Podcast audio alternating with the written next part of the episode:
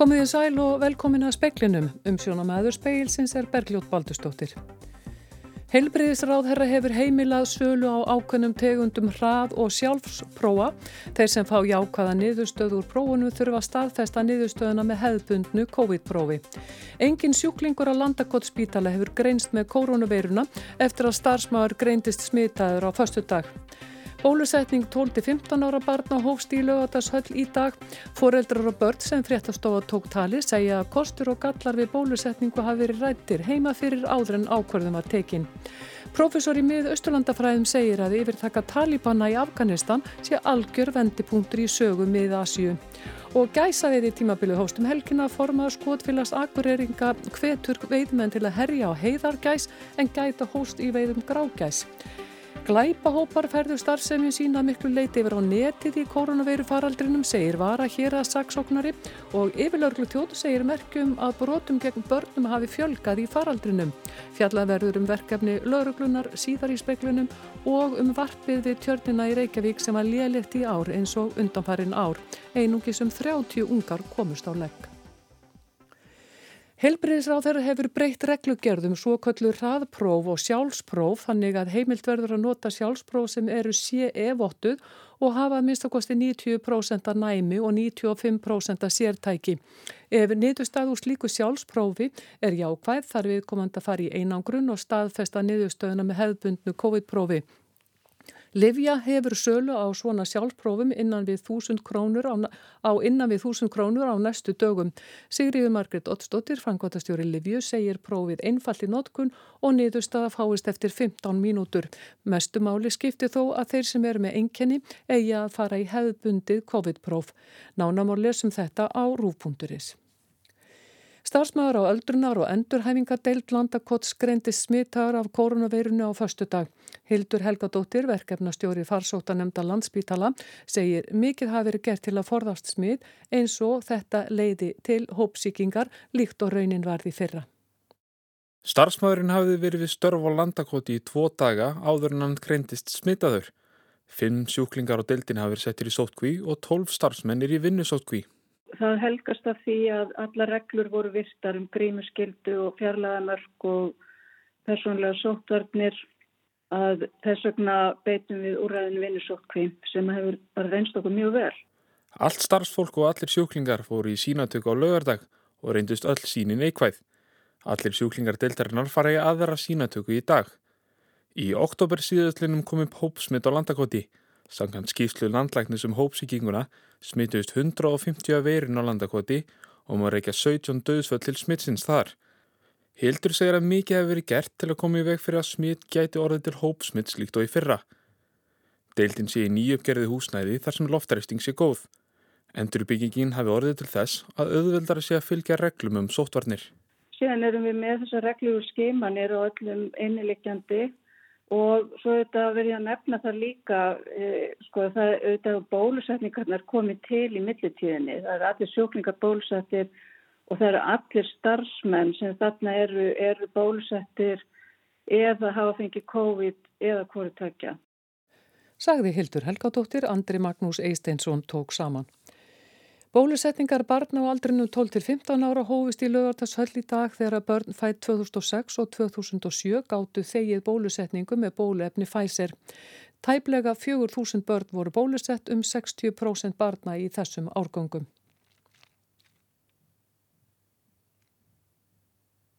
Þetta er góð tilfinning en náttúrulega það er umræðasamt sem er aðeins að lita ákvöruna. Eh, þannig að veist þetta var ekki alveg borðlegjandi fannst mér. Við þurftum alveg að ræða þetta og, og svona velta þessu fyrir okkur. Og hvað var það helst sem gerði það? Eh, það er kannski helst þessi nýjastu tilvik um hérna fólki sem er að missa heifigetu og lömun og svo það sem er að valda hjá tíðarhingum hvenna. Var þetta fyrir þig einhvern ákvörðum? Þurftur að setjast yfir þetta og hugsa hvort þú myndi vilja þykja bólusetningu? Nei, ekki. Eða þú veist, ég sagði bara já. Ég var til það sko ég var ekki eitthvað að hugsa á mikið. En fyrir ykkur fóreldrana? Í raunin laði þetta bara slöpið í hendunar henni. Við rættum kost og galla og sliðis og hérna og hún fekk bara algjörlega frjálst val um það hvort hún vildi þetta eða vildi þetta ekki sko. þannig að hérna, og hún var mjög brött bara, bara hérna ákveða að kíla á þetta þannig að hérna, við erum alltaf komin hingað núna, sjá hvernig það er Sagði Árni Jónsson, áður talaði Hildur Margret Jóhansdóttir, frettamæður við Marju Skúladóttur og Mattildi Freyju Árnadóttur.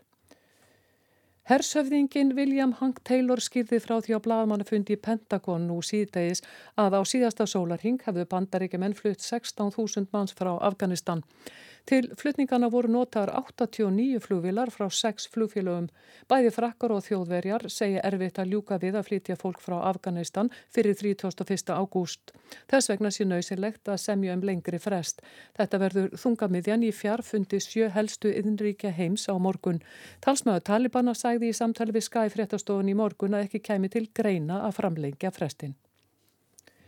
En ríkir mikil, mikil óvisa um framhaldið í Afganistan eftir að Talibana náðu þar völdum á ný. Magnús Þorkell Bernhardsson, professor í mið-Östurlandafræðum, segir að staða nú sé algjör vendipunktur í sögu mið Asíu.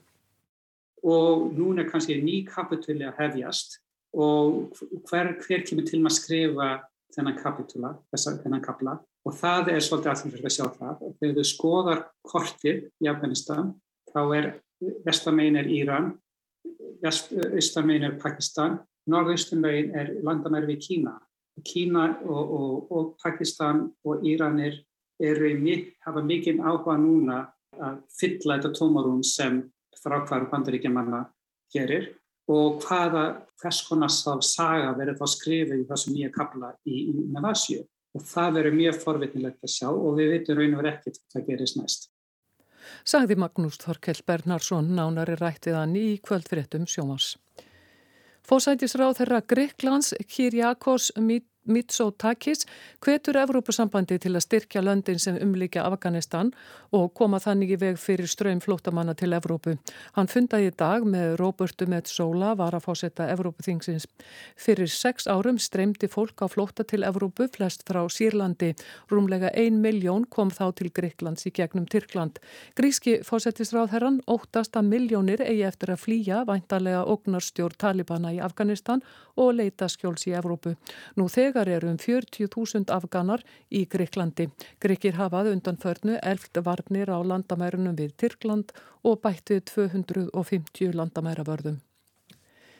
Gæsaskittur heldur margar til veiða um helgina þegar að gæsa veiði tímabilið hófst umhverfi stopnum hvetur til hófsamra veiða á grágæs en fækkað hefur í stopnunum hér á landi undanfærin ár.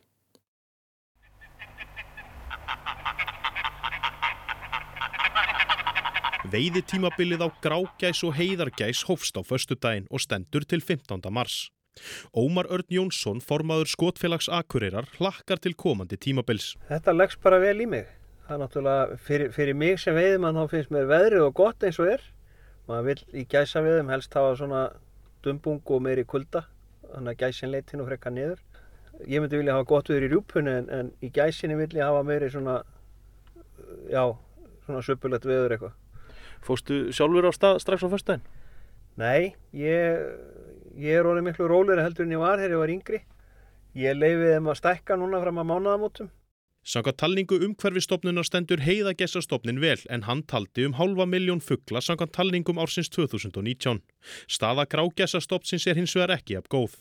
Grágess hefur fækkað og bentu talningar ársins 2019 til þess að stopnin væri komið niður í 73.000 fuggla.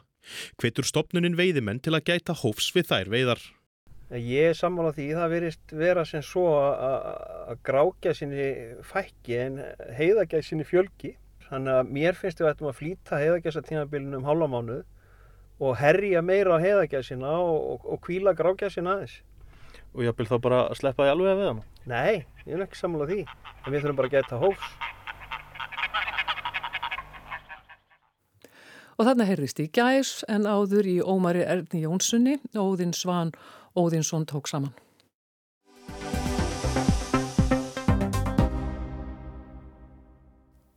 Starfsemi lauruglunar fór ekki neitt hægagang þrátt fyrir að hægst hafi á samfélaginu í koronaveiru faraldrinum. Netglæpir urðu tíðari og vísbendingar eru um að engin skortur hafi verið á innflutningi fíkni efna. Grímur Grímsson yfir lauruglu þjóttn á rannsóknarsviði lauruglunar á höfuborgarsvæðinu segir að um 15-20 skipulaðir glæpahópar séu á Íslandi, ímist íslenskir eða erlendir eða með tengsl við erlenda hópa. Frá því faraldurinn skall á hérlendis hafa jafnan verið ímsar takmarkanir á flestum hliðum samfélagsins, svo sem á ferðum fólks til landsins, fjöldatakmarkanir og lokanir skemmtistada. Lífið færðist í ákveðin hægagang. Það á þó ekki við um störf lauruglunar. Það er svo sem er ekki mikil breytingi þeim verkefni sem eru hjá lauruglu, þó er alltaf nýverkefni sem komið til. Og því að nefnir það svona spurningum um hvort að við hefum séð eitthvað öðruvísi núna kannski undarfarið að þá hefur alveg nokkur aukning í uh, svona brotun sem að á einsku eru cybercrimes. Ég heiti Grímur Grímsson, ég er yfirlöku þjóttni á Lörglun og höfuborgarsvæðinu og það sem undir mig heitir heitir eh, samkvæmt skipurítir rannsóknarsvið og undir rannsóknarsvið eru kortvekja rannsóknardildir sem eru þá skipulöð brotastarðsemi og kynferðsbrot. Grímur segir að glæpamenn aðlægi sig jafnan fljótað breyttum aðstæðum. Það hafi líka verið raunin í faraldrinum að að því að við eigðum, svo miklum tíma á netinu orðið og það hefur náttúrulega held ég að séu umdelt að það hefur aukist mjög mikið í þessum aðgerðum sem hafa verið greipið til vegna koronavirunar og þá hefa, hafa brotamenn aðlæga sér mjög rætt og þeir nota netið í auknumæli, sérstaklega til svikastarðsemi en auðvitað netið líka notað í ímsum tilgangi eins og við hefum barist mikið gegn og viljum berast mikið gegn það er, það er svo kallar barnan íð á netinu Hver eru þau svona stærstu mál sem að þið eru með til rannsóknar núna? Hvers aðeilis eru þau? Við reynum að fylgjast með og sapna upplýsingu varandi innflytningu fíknöfnum og síðan erum við og erum í, í samstarfi við erlend lauruglevöld og erlenda lauruglustofnarnir varandi kynferðisbróta á netinu, gagvart börnum. Og síðan er, er það mannsal og endi og þetta er kannski svona í stórun dráttum það sem svona frumbrótin sem við erum með til rannsóknar og síðan eru við að sífælt að reyna að tengja það ef við erum með til rannsóknar skiplarbotastarðsemi að, að, að haldleikja ávinning. Þú, þú myndist þarna á svona barnanísefni, er það svo aukningu í þessu líka í faraldreinu? Um, við hefum ekki séð svo miklu aukningu ennþá en það er svona tímafaktorn í þessu er ekki alveg, hann, er, hann, hann getur verið, verið senkunni að laggi því hvernig mál koma til okkar, til lögreglu. Við hefum haft ágjör af því það er, er því aukning í í brotum innan vekja heimilisins. Eh, við hefum ekki séð mikið af því en þó er merkjum við aukningu í brotum sem tengjast börnum. Kolbrún Benediktsdóttir var að hér að saksóknar rittelur að afbrótahægðun hafi að vissu leiti breyst í faraldrinum. Tilfinningin sem maður hefur, nú er ekki byggjan um tölum, en bara svona tilfinningin sem maður hefur er svolítið svona, það eru færri svona alvarlega líkansárasirnir miðbæ, það eru færri svona það sem maður kalla kannski svona einan gæslapa skemmtstaðanauðganir, en það eru fleiri, mér finnst þeirra svona ákveðin aukningi í kynfyrsbrotum inn á heimili og auðvitað aukningi í heimilsopildi. Það hefur náttúrulega bara rokið upp. Ímis glæpastarfsemi þrýfst áfram undir yfirborðinu, einnig á tímum COVID. Um 15 til 20 skipulaðir glæpahópar eru starfrættir á Íslandi. En sem komið er hefur þó enginn fengið tóm fyrir skipulaða glæpastarfsemi hérlendis. Þetta geta verið oft sko, stórar og, og tímafrekar rannsóknir og þegar við erum að tala um svona skipulega brotahópa þá eru þetta oft svona fjöldþjóðlegar hópar, það eru þá svona bland bæði, bæði Íslandingar og erlendir aðilar, bæði búsettir hér og erlendis. Þannig að rannsóknuna tegja sér til fleiri landa. Og við höfum svona verið kannski aðeins að benda á það að, að það setur okkur í pínustund vandastundum þegar við erum að rannsaka svona alvarleg mál. Ef við til dæmis erum að nýta gæsluvarðhald að þá höfum við bara 12 vikur, við getum bara haft menn í gæsluvarðhaldi í 12 vikur, þá þarf að vera komin út ákjara, annars þurfum við að sleppa þeim. Þannig að við höfum svona aðeins verið að kalla eftir því að það þurfum við að rýmka þessar heimildir svo við getum raunverulega náð utanum alla anga í svona stórum og skipluðu málum. En er þá kannski stundum þessi mál eða sagt, þeir glæpir og þeir ábröð sem tengist þessum hópum kannski meira þá komin á eitthvað borð sem svona afmörgum mál, ábeldisbrot, eh, mannsal, þannig að þeir kannski bara taka fyrir ákveðina ánga þessara skipulegu glæpastar sem er fyrir uh, hjá akkurívaldinu? Já, þetta er kannski mjög algengt, mætti segja þetta með í innflyttingu fíknefnu. Við sjáum það svona, það hefur breyst svolítið hverjir það eru sem er að flytja fíknefni til landsins í dag, svona þessi svo áður fyrir þá var þetta mjög mikið bara íslendingar, íslenskir, ung, ungt fólk, íslenskt sem að vara að flytja inn fíknefni oft vegna eitthvað skuldar eitthvað svo leiðis. Það sem við sjáum í dag er oft meira að þetta er svona, maður getur kannski sagt bara atvinnu burðadýr þar sem eru jafnvel með sakafyrir í mörgum löndum fyrir fíknefni einflutning. Eh, stundum vaknar grunur hugsaðlega með þessu jafnvel þólendur mannsals og það þarf að skoða það en, en hérna þessi tímafæstu sem ég var að tala um þessar tólvíkur sem við höfum gera það verkum að við erum mjög oft uh, þurfum bara að láta við það setja að, að ákjara þessi burðardýr fyrir innflutningin á efnunum en við komum kannski ekki endilega lengra. Og hvað með svona áfbeldist þáttin, er hann að verða grófari og alvarlegur heldur náður? Já, já, ég held að það sé alveg og þetta er náttúrulega, þetta er ekkit kannski endilega mál sem að reynist auðvilt að rannsaka að því að hérna, það er ekkert alltaf kannski allir tilbúinir að fara með svona mál til, til örglu en klárlega sjáum við að það eru ekki harka, það er alveg á reynu. Grímur segir að ofbeldisbrotum sem koma á borð lauruglu hafi ekki endilega fjölkað samhliða fjölkun glæpahópa en þó sé alltaf eitthvað um erjur þeirra á milli.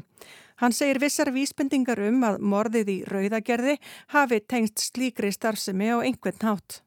Það sem við þekkjum ellendis frá þá eru, eru ábeldi stór hluti af skiplarbrotastafsemi. Hins vegar hefur það ekki verið mjög áberendi hér. Þú, þú nefndi vissilega máli eins og, og gröðagerismáli sem voru grunnsendur um að tengdu slíku uh, og það væri einhvers konar uppgjöra millir hópa en, og, og, og það eru margt sem bendir til þess en það hefur ekkert verið sínt fram á það með óveikendi hætti. Eins og er, ef við horfum á, á, á íslenskar raunveruleika þá þá er ofbeldi á milli svona hópa kemur, kemur til álita og auk þess sem að það getur verið ofbeldi sem er tengt til dæmis eins og burðardýrum eh, í fíknarnamálum. Þetta er ekki alltaf fólk sem er viljótt til að gera þetta en það er einhvern veginn látið að gera það. Það er auðvitað eitt partur af ofbeldi að, að þvinga einhvern til að gera eitthvað sem maður vil ekki gera. Mm. Þannig að, að ofbeldi tengir sannlega skiplar brotarstarfsemi og var allt unnu lögmál sem ganga á þeim markaði Óbeldi er mjög oft beitt og hótunum auðvitað og hótunum sem er kannski ekki endilega beinast bara að, að þeim sem, að, sem er skuldarinn sjálfur heldur fjölskyldu. Og þetta var Grímur Grímsson, áður heyrðist í Kolbrúnu Benediktsdóttur, Alma Ómarsdóttir tók saman.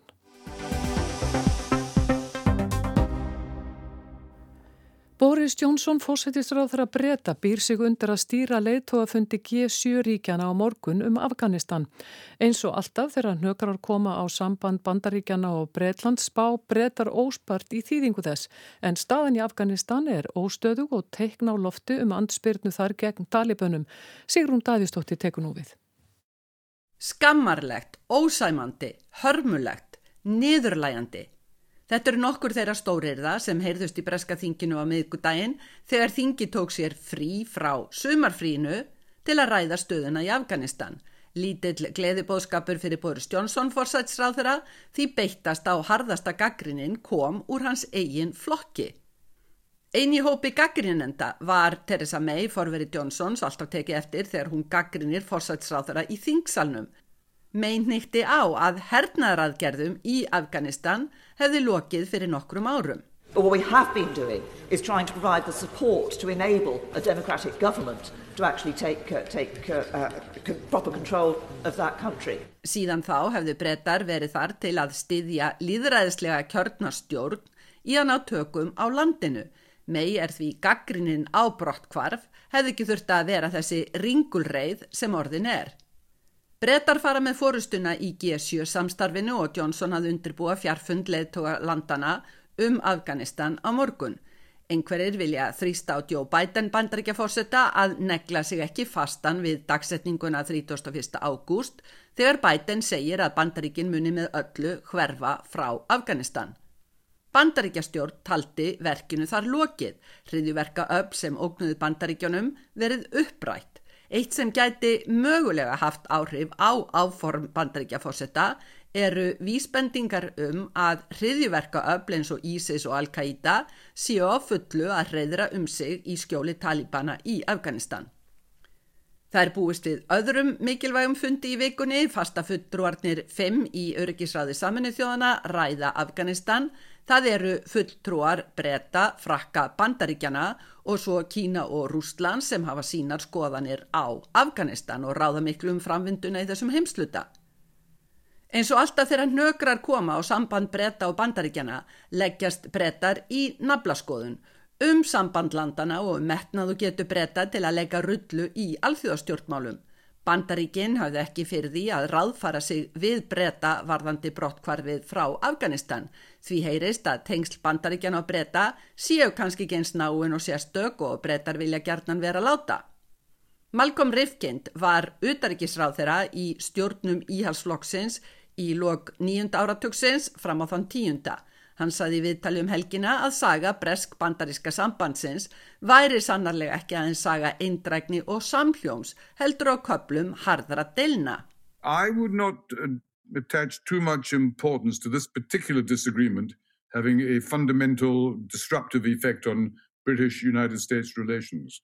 Reifkinn telur því enga ástæðu til að gera of mikið úr því að þetta ósamkomulag um Afganistan muni hafa sérlega eidileggjandi áhrif á samband Breitlands og Bandaríkjana.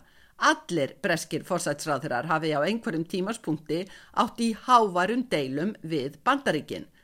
Samband Margaret Thatcher og Ronald Reagans hafi verið yngar gott og náið en samt hafið þeir deilt hart varðandi leðtúafund Reykjans og Mikael Gorbachevs í Reykjavík 1986, deilt um kjarnorkuvopn. Nei, Rifkin telur ágreining ekki áhyggjusamlegan fyrir sérstakasambandið, fyrir bandaríkin komi einfalli ekkert land í stað breyta. Frakland gæti það fræðilega séð, hefur kjarnorkuvopn sterkan herr fastsæti í örgisræðinu, en grundvallaratriði í franskri utaríkistefnu sé að vera alltaf svo litið í andofi við bandaríkinn, ekki á náinn þeim. Þegar Biden tók við í janúar hljómaði eins og fegursta tónlist í eirum Evrópu og NATO þegar hann sæði bandaríkinn aftur mætti leiks, annað en viðkvæði forverans Donald Trumps um bandaríkinn aðeins fyrir sig og sína. Biden virðist kannski vera að brjóta orsín þegar bandaríkinn hverfa frá Afganistan án samráðs við helstu bandamenn, en bandaríkinn fara alltaf eigin leiðir. Og eins og alltaf áleitin spurning hvers ég vilji bandaríkjana til að skerast í leikin í heiminum þegar hagsmunum þeirra er ógnað öllu heldur hvernig bandaríki Bidens skilgreini hagsmuni sína. Afganistan undir stjórn Talibana er óþægt stærð. Síðustu sólaringa hafa heist rattir frá Pansjirdalnum 125 km frá Kabul, sama vegalengd og frá Reykjavíka Seljalandsfossi.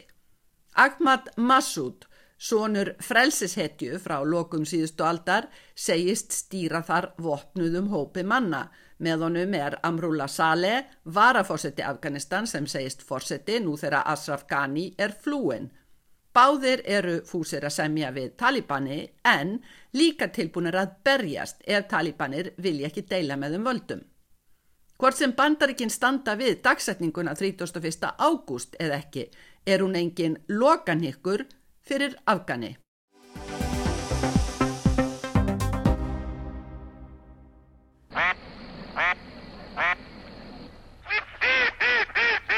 Millið 30 og 40 andarungar komust á leggvið tjörnina í Reykjavík í sumar. Þetta sína niðurstöður úr árlegri talningu. Fuggla lífi tjörnina hefur hnignað á undanförnum árum. Ólafur K. Nílsen, fugglafræðingur hjá Náttúrufræðistofnun, hófa að telja fuggla á tjörninni árið 1973 þegar hann var ráðinn sem andapappi hjá Garðirkjuteild Reykjavíkur eins og sá var nefndur sem hafði umsjón með fugglalífi tjarnarinnar í þá daga. Ólafur hefur á samt öðrum fyrrum andapappa og fugglafræðingi, Jóhanni Óla Hilmarsinni, metið stærð varpstopna andfuggla og kríunar við tjörnina í nokkra áratögi. Blómatími tjarnarinnar var á árunum 1960 til 1985 en þá hófst hnygnunaskeið sem varir enn. Þegar ég hófst örf þarna 73 þá síndu talningar að, að þetta voru svona á bílinu 150 upp í 220 andapör sem voru þarna vorin þá er að tala um tímabilið 73 til segjum 85 en síðan hefur svona stofnun nignað verulega síjant og þetta og gefur hliðina. Þannig að í dag þá eru þetta einhverstar á bílinu 50 til 70 andapör sem eru þarna vorin Á blómaskeiði tjarnarinnar 1973 til 84 komust þar á legg allt upp í 300 andarungar á hverju ári þegar að best létt. En eh, síðustu ár sem síðustu 20 ár þá hefur þetta sveiblast e, á bílinu 20 til 100 andarungar á ári sem komast upp. Hvað voru margir ungar í ár? Eh, töldu, er búið að tellja þá? Já, þetta voru, voru 30-40 andarungar sem voru komnir á, sem voru svona sæmilega lífanlegi núni í lóksuma sko. Já, þannig að þetta var lélegt varpár. En svona í takti við það sem að verið hefur síðustu 20 ári. Fimm andategundir hafa verið nær árvissir varpfuglar á tjörninni. Stokkönd, gargönd, duggönd, skúfönd og æður. Þegar að mest var voru þar til dæmis 60 til 70 æðarpör. Fyrir 5 til 6 árum voru einungis 5 pör eftir og var þá gerð tilraun á vegum borgarinnar til að fjölga þeim. Ungar voru fengnir annar staða frá og sleft á tjörnina og ég gerir á fyrir að þessir örfáu æðarfuglar sem eru núna sem töldust þrýr í vor að þeir séu hluti af þeim sleppingum. Og síðan voru, voru settir líka fáinir eh, fáina gargendur og eh, rauðhauðaendur fyrir hvað 5-6 árum. Og það tóst hannig að allavega eina af þeim gargöndum sem að það er nú ekki mörg gargandapör en það eru tvö gargandapör sem að, að varpstofnin taldi í vor og kollan í öðru parinu hún var úr þeim sleppingum. Grundallar breyting hefur orðið á náttúrulegu fæðuframbóði við tjörnina sem er ein megin orsök fækkunar fuggla og lélægrar viðkomu þeirra. Tjörnin var ísöld því sjór flætti inn í hana í gegnum lækin og það mátti sjá á lífríkinu. Það var til dæmis einn tegunda marflóm sem var all, algengi í tjörninni. Þetta er stórvaksi krabbadýr og vinsal fæða andarunga. Og síðan var líka óheimi mikið að mýi í tjörninni á þessum árum. Þegar mýklag var á vorin þá lendiði sér ekki maður sá strókana við tjörnina og mýið satt allstaðar á húsum í grendinni og e, það voru ekki bara tjarnarendur heldur ímsir aðri fugglar sem að sóttu þá inn á tjörnina til að nýta sér mýið í meðal annars e, fugglar eins og tildra sem kom þannig í hópum á vorin, sést ekki lengur. Miklar breytingar urðu á lífríki tjarnarinnar og fæðu frambóði fugglana þegar að komið var í veg fyrir að sjór flætti inn í hana. Núna er hún fersk, marflóin er horfin og miklu minna er af mýi en áður. Einnig hefur dreyið verulega úr því að fólk gefi öndunum brauð og reyndar hefur borging fatt til þess að fólk sé ekki að gefa fugglónum yfir sömarið og þá er uh, hugmyndafræðin þar á baki er að, að, að uh, þetta sé til að koma í veg fyrir að máatnir safnist inn á tjörnina. Þeir hafa líka verið til vandraða þegar þeir eru að drepa andarunga. Verulega hefur dreyið úr fæðu frambóði við tjörnina og nú virðist það ekki standa undir nema broti af þeirri fugglaflóru sem áður var. Því geti verið að það þurfa að fóðura fugglana en líka huga að umgjörð tjarnarinnar og tryggja að áfram streymi í hana vatn, sinna ræktunarstarfi og almennri umhyrðu fugglana. Og það felst í ímsu svona í grundvallar atriðum að einfaldi hlutir eins og að eh, eins og að vargar eins og mingur leiki ekki lausum hala í varplandin á vorin, það hefði miður gest aftur og aftur og þeir mingur getur rústað varpinu algjörlega eins af að kettir sótt í varpið. Og það er svona hluti af þessari umhyrðu að tryggja að fugglarnir hafi öryggi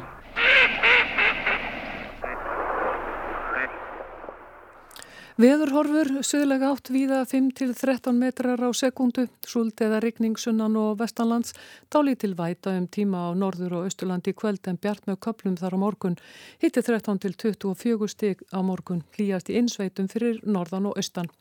Og það var helst í speiklunum að heilbriðisráð þeirra hefur heimilað sölu á ákveðnum tegundum hrað og sjálfsprófa. Engin sjúklingur á landakotspítal hefur greinst með koronaveiruna eftir að starfsmæður greindist smitaðar á föstudag, bólusetning 12-15 15 ára barna hófst í lögatashöll í dag. Netglæpir urðu tíðari og brotum gegn börnum hefur fjölgað í koronaviru faraldrinum og einungis um 30 andarungar komast á legg við tjörnina í Reykjavík í sumar. Hver er ekki í speiklinum? Tæknumæður í útsendingu var Jón Þór Helgarsson. Verði sæl.